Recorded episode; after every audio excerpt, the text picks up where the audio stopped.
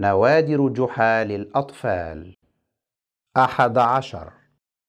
جحا يقول من حفر حفرة لأخيه وقع فيها.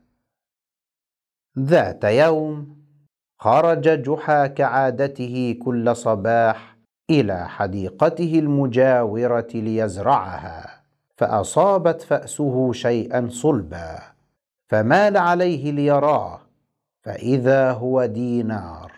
فرح جحا فرحا شديدا بهذا الدينار الذي جاء في وقته وأخذ يجلو عنه الصدأ ولكنه سرعان ما تبين أنه دينار مزيف.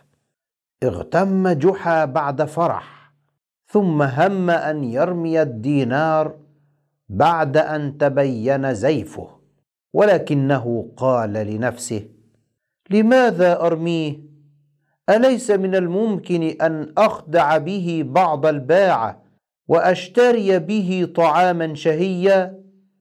وبعد قليل ذهب جحا إلى السوق فوجد رجلا يبيع بطة كبيرة فاشتراها منه ودفع له الدينار المزيف.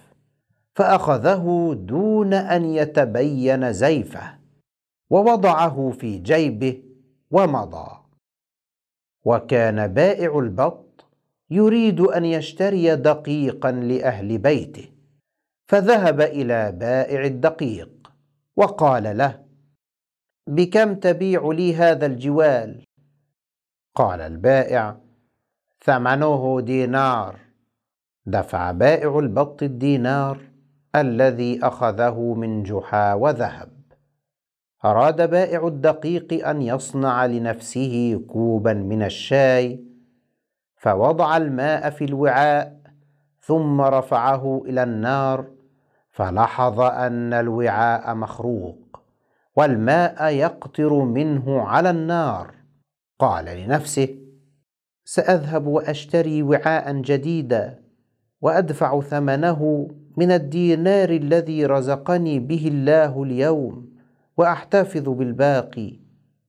ثم قصد بائع الأوعية فاشترى وعاء جديدا لعمل الشاي ودفع له الدينار.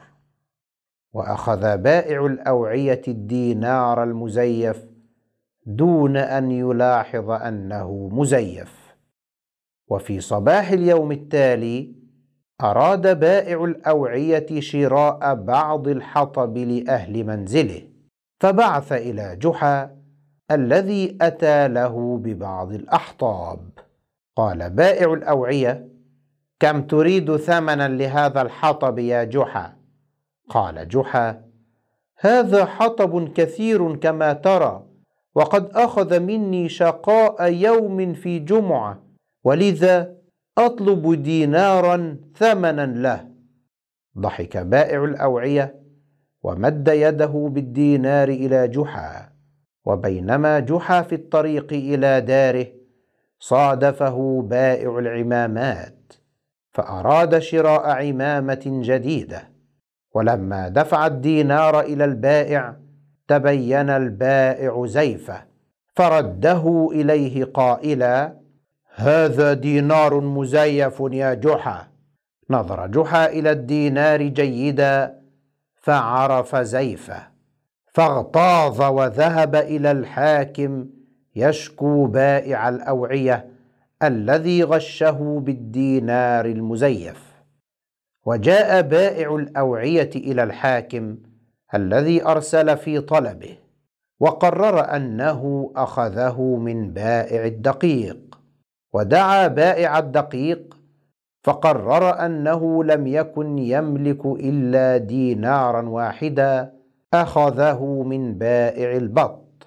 وجاء بائع البط فقرر أنه أخذ ذلك الدينار من جحا نفسه. وذهل الحاكم من النتيجة التي وصل إليها. نظر الحاكم إلى جحا نظرة قاسية وقال من أين لك ذلك الدينار؟ قال جحا متلعثما إنني عثرت عليه في أرض الحديقة. قال الحاكم.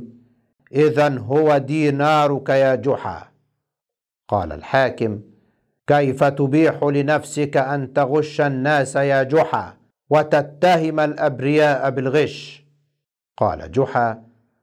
حقا يا سيدي الحاكم هو ديناري الذي وجدته. وما أصدق الحكمة التي تقول من حفر حفرة لأخيه وقع فيها.